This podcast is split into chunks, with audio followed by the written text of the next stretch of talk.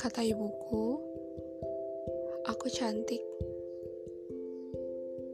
Kata abahku, aku pintar.